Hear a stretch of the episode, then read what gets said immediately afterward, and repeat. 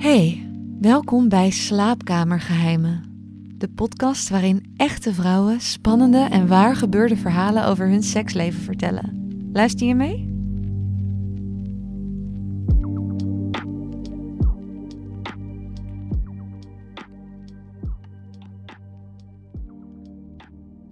Mijn seksleven is op dit moment niet heel geweldig. Mijn man is wel een goede minnaar, maar het probleem is dat het er nauwelijks van komt. In onze relatie ben ik de dominante persoon, maar in bed wil ik juist dat hij mij verovert. Die rol ligt hem niet zo, denk ik. En blijkbaar ligt het mij ook niet om veroverd te worden. Als hij toenadering zoekt, is er altijd wel iets niet goed. Zijn kussen te nat, zijn aanraking te zacht, hij wil te snel of gaat juist te langzaam. Eigenlijk kan hij het nooit goed doen. Dat maakt hem onzeker en ook daar knap ik dan weer op af. Als het eenmaal lukt om tot seks te komen, is het wel altijd heel lekker. Dat was in het begin al zo. Anders was ik ook niet met hem getrouwd, eerlijk gezegd. Seks is belangrijk. Het is alleen jammer dat het zo lastig is om tot seks te komen. Waarschijnlijk door die gekke rolverdeling. Hoe kan iemand die meestal volgt ineens het initiatief in de slaapkamer nemen? En hoe kan iemand die graag leidt ineens blij worden van de hele tijd afwachten? Geen idee waarom ik het dan telkens toch zo wil. Misschien ben ik conservatiever dan ik dacht. Vorig jaar was er een periode waarin het even helemaal anders was. Ik was het zo zat dat het altijd zo moeizaam ging. Ik begon zelf initiatief te nemen. Niet alleen met mijn eigen man, maar ook buiten de deur stond ik mezelf toe om te nemen waar ik zin in had. Tot dan toe hadden we eigenlijk altijd een monogame relatie gehad, maar ik kon mezelf niet meer tegenhouden. Ik ging op Tinder, Second Love en was met allerlei mannen bezig, zonder thuis iets te vertellen. Ik wist dat het niet kon wat ik deed, maar toch genoot ik ervan. Mijn energie ging ervan stromen. Ik voelde me vrij in mezelf. Toen mijn man erachter kwam, was hij uiteraard verdrietig. Niet alleen vanwege mijn oneerlijkheid. Voor hem horen liefde en seks bij elkaar. Wie echt van elkaar houdt, is monogaam. Ik voelde dat anders, maar had me tot dan toe bij zijn visie neergelegd, omdat ik ervan uitging dat dat nou een keer normaal was. Tot vorig jaar dus, toen ik weer even voelde wat ik altijd al dacht.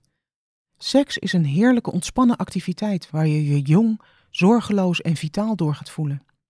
Het laat je even loskomen van de sleur van alle dag, van de rollen waarin je terechtgekomen bent.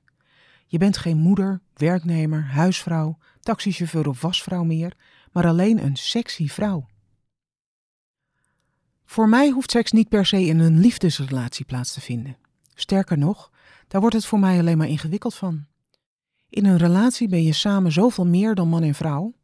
Je hebt verantwoordelijkheden en seks moet dan vaak wijken tot alles gedaan is en je al moe eindelijk in je bedje ligt. Dat, in combinatie met het feit dat je het lichaam van je man al duizenden keren gezien en gevoeld hebt, maakt voor mij niet dat het er nog vanaf spat. Ik vond het buiten de deur een stuk makkelijker. Toch stopte ik met vreemdgaan, om mijn man niet nog meer pijn te doen, maar ook om te kijken of we ons seksleven nog kunnen vormgeven dat ik me ook binnen mijn huwelijk jong, zorgeloos en vitaal kan voelen. Vooralsnog loopt dat nog niet erg lekker.